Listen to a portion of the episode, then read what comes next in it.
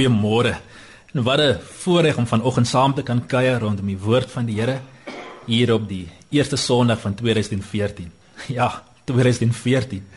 Sjoe, dit is so wonderlik om soveel mense terug te sien van vakansie en 'n besonderse eer natuurlik vanoggend om ons RSG luisteraars te verwelkom by ons diens hier by Shofar Christen Gemeente. Ons spesifieke gemeente is hier in Roosevelt Park, reg oorkant die Botaniese Tuine in Johannesburg. As jy dalk vir ons sou kom kuier. 9:00 in die oggend is, is ons dienste normaalweg. En ek vertrou dat u die tyd saam met ons daar waar u dalk nog bietjie met vakansie is of dalk besig is om terug huis toe te reis of miskien alreeds besig is om jouself te rad vir die jaar wat wat wag, dat u die tyd saam met ons sal geniet en die volgende paar minute van groot waarde sal vind. So kom ons berei ons harte voor om van die Here te ontvang vanoggend deur saam te sing of as jy die woorde van die liedjie nie ken nie, sommer net lekker te luister na die lied Ons hoop.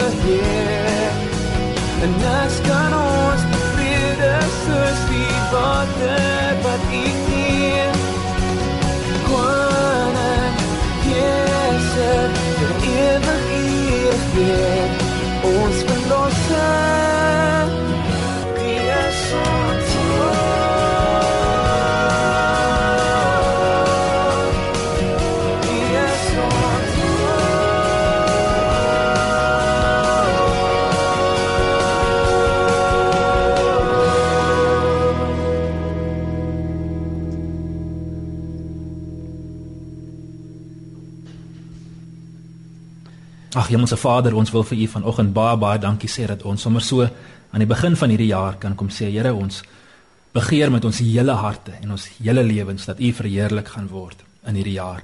In die volgende paar minute waar ons gaan saam kuier rondom U woord, bid ons Here dat U U wil sal laat geskied. Bid ons dat U sal kom en dat presies U plan en U doel met elkeen van ons vanoggend, Here, dat U doel verwesenlik sal word in Jesus naam. Amen.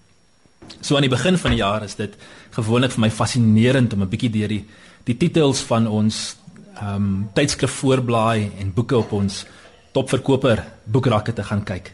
Ehm um, ons het boeke wat ons leer hoe om meer effektief te wees in ons tydbesteding, ehm um, beter begrotings op te stel, gesonder te eet en te leef, 'n beter en 'n meer gereelde intieme liefdeslewe te hê, vinniger die leer van sukses te klim hoe om voor die ouderdom van 40 uit dienste tree en so voorts en en so voorts. En tog sover soos wat ek kon sien ten minste, is daar weinig boeke wat handel oor die beskerming en die bewaking van wat die Bybel noem die oorsprong van die lewe. Dit wat die res van ons lewens bepaal en en rigting gee. Ons harte. Gelukkig is daar een topverkoper boek van van alle tye wat baie te sê het omtrent ons harte.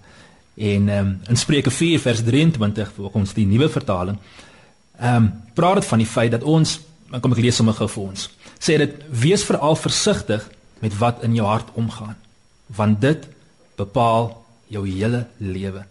Wees veral versigtig met wat in jou hart omgaan want dit bepaal jou hele lewe.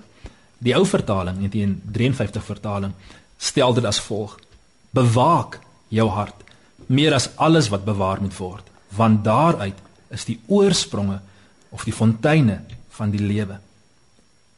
In hierdie nuwe jaar kan ons gerus agslaan op die vermaaning van die skrif. Dink hier in Johannesburg veral met sy met sy hoë heininge, sekuriteitskameras, veiligheidswagte en elektriese veiligheidsheininge. Is dit 'n wekroep vir ons om om terug te keer na dit wat baie meer kosbaar is as enige motor, enige rekenaar, enige kluis vol gewere of juwele. En so waardevol soos wat daardie besittings is en natuurlik moet ons beskerm wat aan ons toevertrou is. So waardevol soos wat hulle is, is daar iets van oneindig groter waarde. Ons harte. Bewaak jou hart meer as alles wat bewaar moet word, want uit dit vloei die oorspronge van die lewe. So nou is my vraag aan ons almal vanoggend. Uit al die planne wat ons het vir 2014, dit wat ons beplan het om te doen, te verbeter, te bewaar, af te skaal op, nuwe blaadjies om te slaan. Uit uit uit al daardie planne, hoe hoog op ons prioriteitslys is die gesondheid van ons harte? Ons harte daar waar daar waar niemand anders kan sien, geen dokter se instrument kan evalueer of kan monitor. Vir ons as gemeente die afgelope jaar of wat en uit my gesprekke met talle gelowiges reg oor die oor die land is daar 'n onmiskenbare wete dat Christus besig is om ons te stroop van daardie dinge wat wat ons gebruik nie so seer as wagte oor ons harte nie maar maar eerder as as dinge wat ons gebruik om ons harte te verskans weg te steek vir diegene om ons en dalk of eerder veral weg te steek van onsself. Goeie dinge selfs goeie werke pogings om God en mekaar te beïndruk, voor te gee dat ons harte gesond is, dat ons die antwoorde het, selfstandig kan funksioneer terwyl die pyn en die alleenheid en die teleurstelling met die lewe, met God, met die kerk slymerend binne die kamers van ons harte skuil. En wat in ons harte aangaan, is gewoonlik onlosmaaklik verbonde aan ons verhoudinge. Want die harte wat die mens van God ontvang het, die menslike hart is 'n hart wat ten nouste soek na verhouding. Intieme, betekenisvolle verhoudinge. Nie die ek het 200, 300, 500 Facebook vriende tipe verhoudinge nie. Ons kan dit ontken. Ons kan dit onderdruk. Dit probeer versmoor in die harwar van besig wees of van verslawende gewoontes. Maar dit is daar. Want ons geskaap na sy beeld. 'n drie enige God wat in gemeenskap woon met mekaar Vader, Seun en Heilige Gees. Bewaak jou hart meer as alles wat bewaar moet word, want uit dit vloei die oorspronge van die lewe. Een van die van die oorspronge of die fonteine van die lewe glo ek is die mens se kapasiteit om te kan droom. Uit ons harte vloei ons verwagtinge of anders gestel, ons drome. Ons drome oor hoe ons lewens kan lyk indien sekere dinge in plek gestel word of dalk in plek val. Drome gee aan ons 'n prentjie van wat ons lewens kan wees. 'n Toekomsverwagting as ware. Martin Luther King Jr. se se lewe vir persoonlik vir my tot 'n baie groot mate die krag van 'n droom op die lewe nie net van 'n individu nie maar ook op 'n nasie en inderdaad oor nasionale landsgrense heen. Hy het gepraat van 'n droom waarvoor hy geleef het. 'n Droom dat daar eendag in sy land se toekoms 'n tyd sou aanbreek dat sy vier kindertjies beoordeel sou word nie volgens die die kleur van hul vel nie, maar na gelang van die inhoud van hul karakter. Hy het gedroom van 'n tyd in sy land se geskiedenis of sy toekoms eerder waar die seuns van voormalige slawe sowel as die seuns van voormalige slawe eienaars saam langs dieselfde tafel van broederskap en vriendskap sou kon aansit. Hy het verder gepraat van 'n droom wat in sy hart geleef het waarin hy kon hoor hoe liedere van vryheid sou weergalm reg deur elke stad en staat in Amerika. Elke dorpie, elke nedersetting. Dit was 'n droom waarvoor hy bereid was om te leef en te veg nie met die mag van die swaard of die geweer nie, maar met die mag van liefde. Hy was oortuig daarvan dat liefde elke keer, elke keer haat en geweld sou oorwin. Vir hom was 1 Korintiërs 13 meer as net 'n pragtige hoofstuk in die Bybel wat ons lees tydens troues. Dit was sy lewenstaal.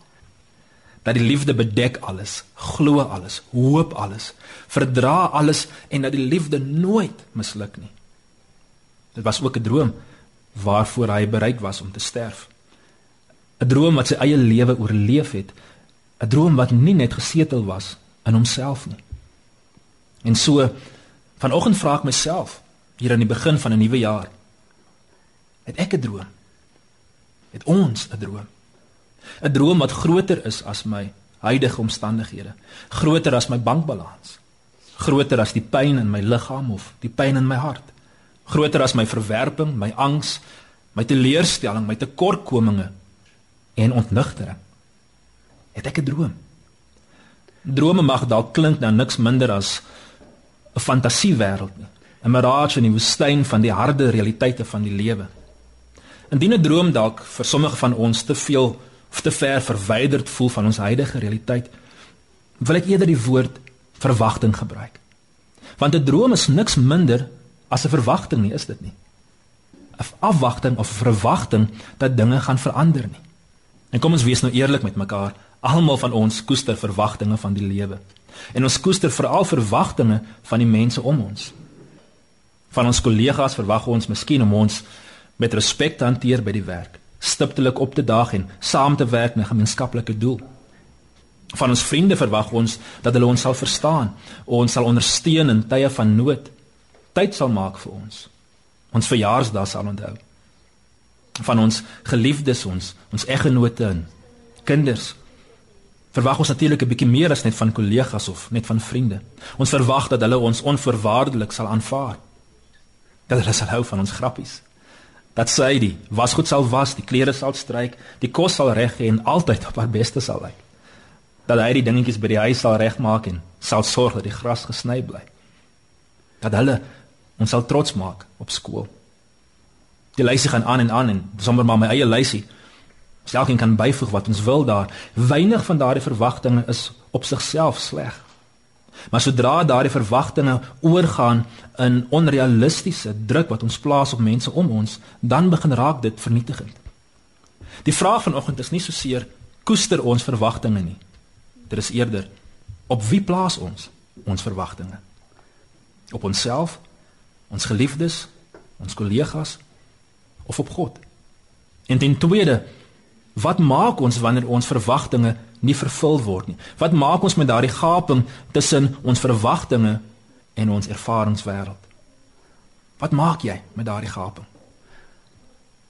Kom ek vra ons so, hoeveel van ons drome of ons doelwitte in die jaar wat verby was, in die jaar voor dit en in die jaar voor dit het onvervuld gebly as gevolg van die feit dat ek toegelaat het dat iemand anders se opinie van my of iemand anders se waardasie van my bydra of erkenning van my talent my teruglaat duin sê daarvan om te leef asof die God wat ons dien wat ons by naam geroep het soos hy vir Jeremia en Dawid en Esther en Maria en William Wilberforce en Moeder Teresa geroep het dat daardie God die enigste een is wie se skouers breed genoeg is vir die vervulling van my drome en my verwagtinge.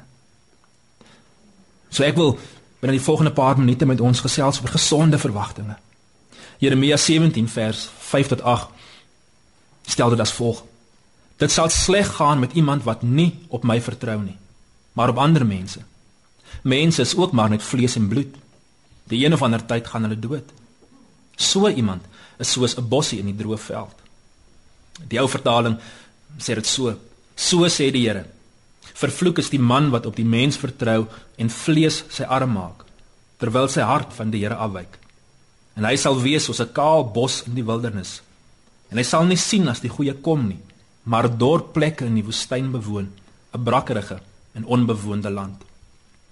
Hiermee sê ek natuurlik nie dat die van ons wat in droër dele van ons land woon vervloek is nie. Allermins nie. Maar wat dit wel vir ons sê is dat daar is 'n uh, koue realiteit wat wag op elkeen wat sy verwagting op mense plaas. Ons kan hierdie vers losweg natuurlik ook as volg vertaal. Die wat hul verwagting op mense plaas, wat die vervulling van hul drome afhanklik maak van mense se optredes en opinies, is bestem om te misluk. of ten minste teleurgestel te word. Ons lewe in 'n gebroke wêreld. En die versekering is hier en ek seker word bevestig deur ons almal se ervarings dat dit net 'n kwessie van tyd is voor mense ongeag van hul beste bedoelings tekort gaan skiet in ons verwagtinge. Ons gaan teleurstel. In 'n oomblik van nood nie daar kan of wil wees vir ons nie. En ek vind in hierdie verse direkte verband tussen ons vertroue, ons krag en die rigting of die momentum van ons lewe. Dit waarin ons ons vertroue stel. Dit gaan ook die setel wees van ons krag. En daar waar ons ons krag vandaan kry, daarin vloei ons lewens. Is dit nie interessant dat die vers melding maak van die feit dat dit haas onmoontlik is om ons verwagtinge op mense te sit en nie te sien dat ons hart afwyk van God nie. Kom ek illustreer. Indien ek my verwagting of my vertroue vir hierdie jaar sit op my baas of my kollega se erkenning van my harde werk. Indien ek my beste planne gaan beraam om om daardie goedkeuring te wen, die bevordering te kry of die verhoging te kry. Is dit ook logies dat dit die plek gaan wees waar ek my energie gaan spandeer en die meeste van my krag aan gaan toewy? Dit word dus te gelykertyd my bron van krag want dit motiveer my, dit dryf my, dit spoor my aan en dit word ook die fokus van my krag. Dit voed my en dit tap my. My wee, my paaie, my denke, my drome, my kreatiwiteit, my verwagtinge gaan dan lei daarheen. Met ander woorde na my werk en my vervulling en die genot van my lewe, my sin van betekenis en identiteit gaan ek begin ontvang van my werk. Dit wat ek doen in steede van wie ek is en aan wie ek behoort, begin bepaal dan hoe ek oor myself voel en dink. En vir my as pastoor kan dit natuurlik net so maklik gebeur as vir enige joernalis, onderwyser, boer, voorman, dokter, entrepreneur, tuisteskepper, vrugtepakker of koerantverkoper. Geen een van ons is uitgesluit nie. As mense wat woon in 'n tyd waar die offerande van Jesus ons vrygekoop het. Die skrif is duidelik hieroor. Ons vrygekoop het van die vloek van die wet. Bly dit tog insiggewend dat hierdie vers praat van die feit dat die een wie sy vertroue stel in die mens nie die goeie sal sien wat kom nie. Dis interessant. Die goeie kom, maar die mens wie sy vertroue stel in die mens sien nie daardie goeie nie. Wanneer ons ons verwagtinge op mense sit, verwagtinge wat slegs bedoel is om op God geplaas te word, dan gebeur dit onvermydelik dat daardie mense ons gaan teleurstel. En daardie teleurstelling wat deel is van ons menslike bestaan, indien onaangeraak, gaan oor in 'n verharding van ons hart. En harde hart is nie in staat om die goeie te sien wat na sy kant toe kom nie. Hoekom nie? Want dit dra die verkeerde lense. Dit verwag om weer teleurgestel te word. En dit het geen ander antwoord of teenvoeter vir menslike teleurstelling as om die pyn buite te probeer hou nie. En ongelukkig is die deur wat die pyn uithou ook die deur wat die liefde en intimiteit buite hou. 'n Harde hart het nie die kapasiteit om die goeie te sien wat na sy kant toe kom nie. Dit herinner my aan 'n ou storie van 'n 'n ou man wat buite stad se hek gesit het. En hy was die eerste persoon wie mense by die stad binne gekom het normaalweg sou sien. Dit was heel duidelik dat uit die manier hoe mense om hom om hanteer het, hy baie gerespekteerde persoon in die stad was. En menige keer het voornemende inwoners, mense wat van ander stede gekom het, het hulle na hom gekom en aan hom gevra: Meneer sê vir ons, watter tipe mense woon in hierdie stad? Vertel ons 'n bietjie meer omtrent hierdie stad. Dan het die ou man hulle gevra: "Voor ek verder gaan en julle 'n bietjie meer oor die stad vertel, sê gou vir my watter tipe mense het gewoon in die stad waarvandaan julle kom? Vertel my 'n bietjie meer oor die plek waar jy was voor hierna toe gekom het." Sommige het dan geantwoord dat hulle nie kon wag om weg te kom van die aardige plek waar hulle gebly het nie. Hoe verskriklik selfsugtig die mense daar was en hoe alleen hulle daar gevoel het. Dan het die ou man hulle gewoonlik verseker dat die inwoners van hierdie nuwe stad presies dieselfde tipe mense was. Verskriklik selfsugtig en glad nie ingestel daarop om mense tuis te laat voel of om na hulle om te sien as vriende nie. Diegene het hom dan normaalweg bedank en al rig op die stad gekeer, dankbaar dat hulle nie met sulke mense weer te doen hoef te kry nie. Andere het geantwoord dat hulle baie hartseer was om hul vorige tuiste te verlaat. Dat die mense daar waarvandaan hulle kom ongelooflik warm was en baie moeite gedoen het om hulle tuis en deel van die familie te laat voel. Dat hulle twyfel of hulle ooit weer sulke warmhartige mense sou ontmoet. Waarop die ou man dan geantwoord het dat hulle beslis na die regte stad gekom het omdat die inwoners daar presies dieselfde is. Ongelooflik warmhartig, altyd daarop uit om moeite te doen met vreemdelinge en hulle welkom te laat voel. Met groot opgewondenheid het hierdie mense dan die stad binne gegaan, dankbaar dat hulle die geleentheid het om weer goeie vriende te kan maak. Elkeen van hierdie mense het die stad ervaar deur die oë van hul ervarings en ingesteldheid ten opsigte van hul vorige verhoudinge. En die ou man was wys genoeg om te besef dat hoe ons ons verhoudinge in die verlede verlaat skep die fondasie vir die manier waarop ons nuwe verhoudinge binnegaan. Verhoudinge binne huwelike, gesinne, werksplekke, kerke, almal word beïnvloed en in sommige gevalle selfs bepaal deur ons kapasiteit en ons bereidwilligheid om werk te maak van die genesing wat nodig is wanneer ons verwagtinge nie vervul word nie. Ons kan van stad, van dorp, van werk verander, maar ons dra ons verhoudinge en ons houdinge met ons saam. Hoe hoër ons verwagtinge wat ons op mense plaas, hoe groter is die potensiaal. Nie net om seer te kry nie, maar ook om toe te laat dat daardie seer kry en teleurstelling oorspoel in 'n verharding van ons harte wat op sigself weer deursyfer na ons ander verhoudinge toe. Die gaping tussen ons verwagtinge of dit nou realistiese of onrealistiese verwagtinge is, gesproke of onuitgesproke verwagtinge.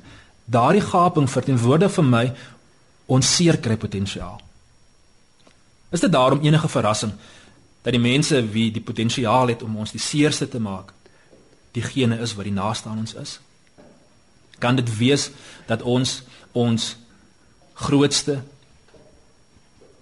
sterkste mees intense verwagtinge plaas op die mense die naaste aan ons. So nou is my vraag vanoggend, hier aan die begin van die jaar. Op wie plaas jy en op wie plaas ek die meeste van my verwagtinge?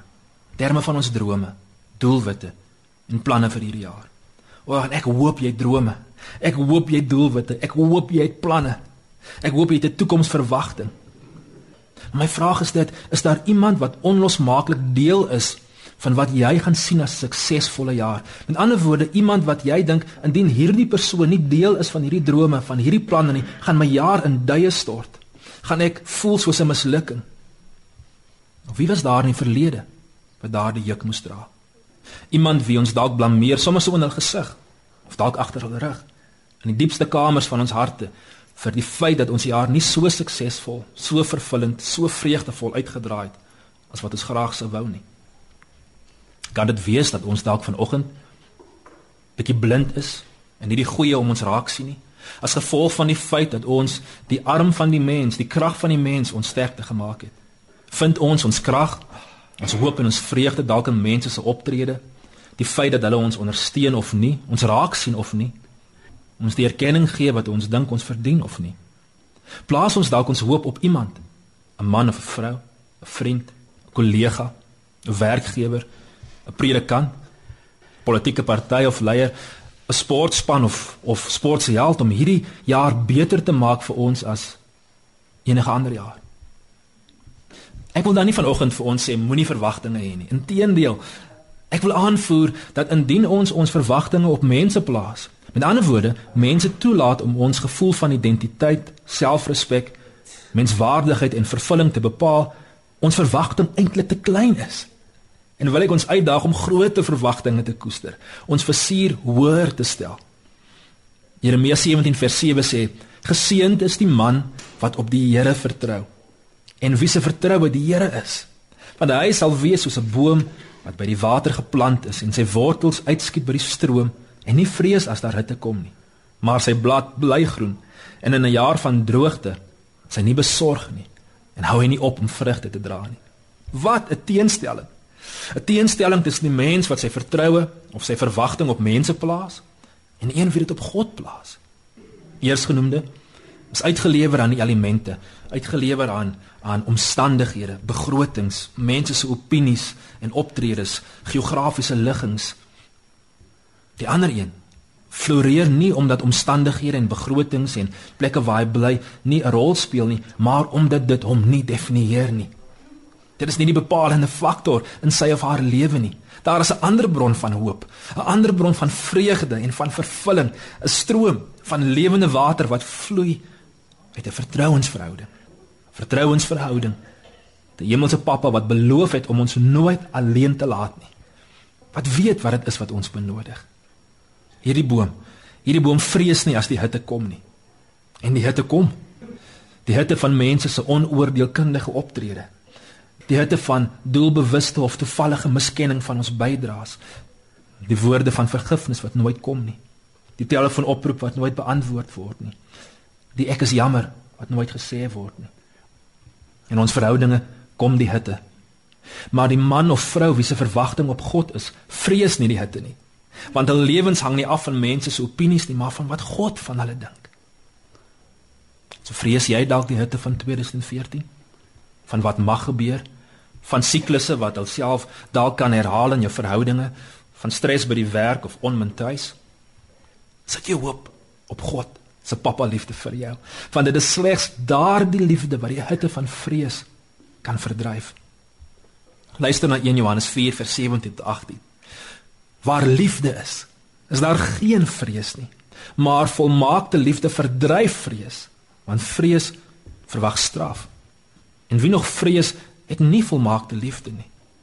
Ons het lief omdat God ons eerste lief gehad het. Met ander woorde, ons kapasiteit om ander lief te hê en ander te kan vergewe, vloei uit die liefde en die vergifnis wat God in ons harte instort. Ek weet in my eie lewe is daar nog areas van my denke en van my hart waar ek nodig het om God se volmaakte liefde toe te laat om my hart te oorwin, te oorrompel. En ek kan dit slegs doen soos ek my hart blootstelling gee aan die manifestasie van sy liefde. Jesus. Ek doen dit gereeld deur die storie van Jesus te lees in die, in die evangelies en van tyd tot tyd kry ek vir my ander Bybel, 'n ander vertaal vertaling net om met 'n vars ingesteldheid na hierdie storie te kyk. Want die storie van Jesus is die storie van 'n pappa liefde wat geen prys ons sien het om my hart en jou hart terug te wen nie.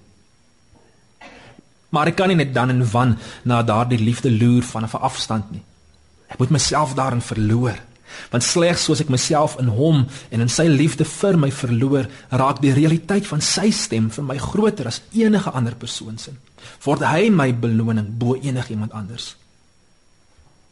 So bewaak jy jou hart in vrees hier in die begin van die jaar. Of is daar 'n beklemming om jou hart? Hier is sy belofte. Voor ons voortbeer in 2014 Vat 'n oomblik en luister. Psalm 107 of 146 vers 3 tot 6. Sê moenie op magtiges vertrou nie, nie op 'n mens nie. Hy kan jou nie red nie. Sy asem verlaat hom. Hy word weer grond en sy planne is daarmee heen. Maar dit gaan goed met die mens wat sy hulp van God, die God van Jakob ontvang. Die mens wie se hoop gefestig is op die Here, sy God. Die Here het die hemel en die aarde gemaak, die see en alles daarin. Hy bly altyd getrou. My verwagting vir 2014 is nie op enige mens nie. Dit is beslis nie in my eie vermoë om hierdie jaar beter te maak as 2013 nie. Om myself te verander en 'n nuwe blaadjie om te slaan nie. My verwagting, my afwagting, my hoop is op die enigste een wat altyd getrou bly.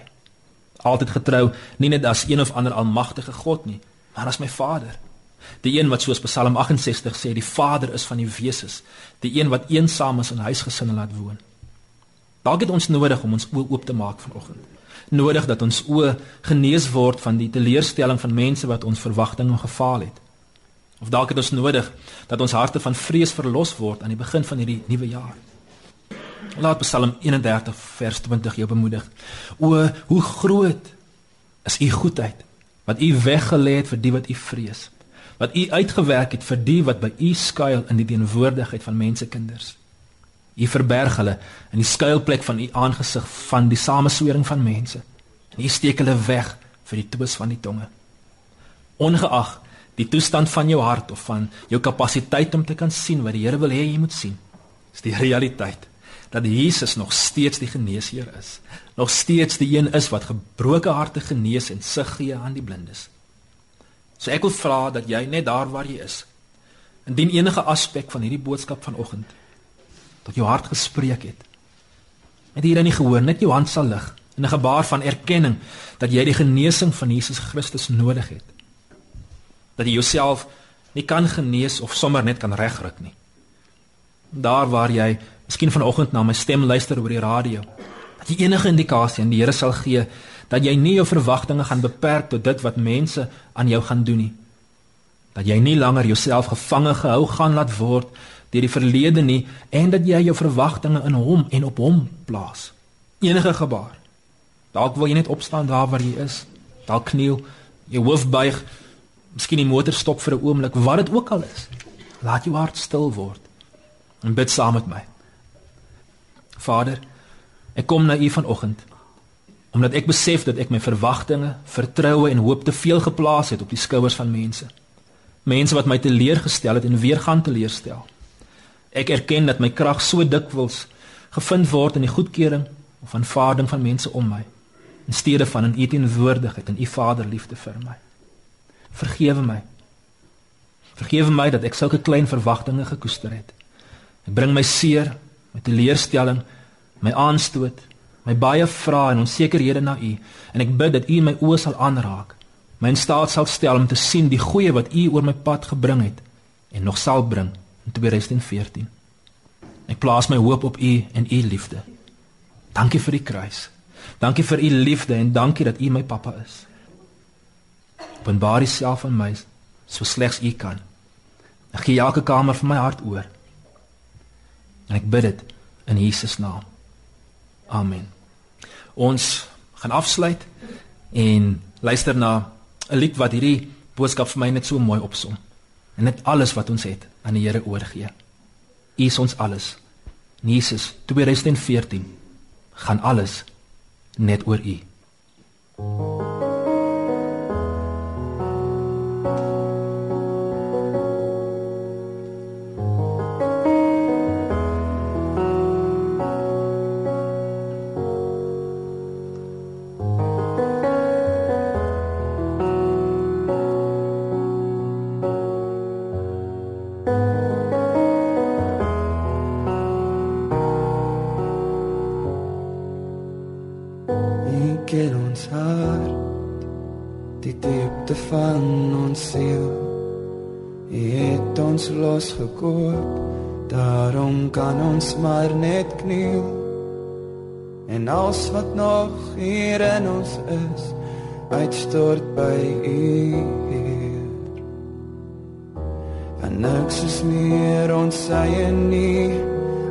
alles gaan oor u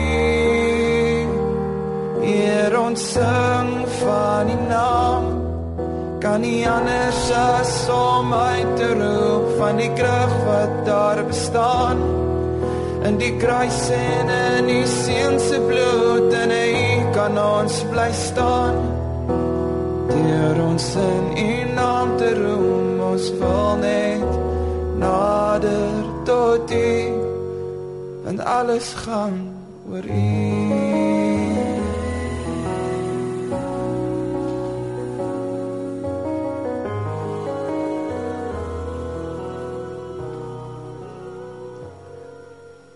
Vader, nou in die naam van Jesus, bid ek u vrede, u seën en u vreugde oor elkeen van ons. En dank ek u dat u wat die goeie werk in ons harte en in ons lewens begin het, u is getrou om dit te volbring in Jesus naam. Amen.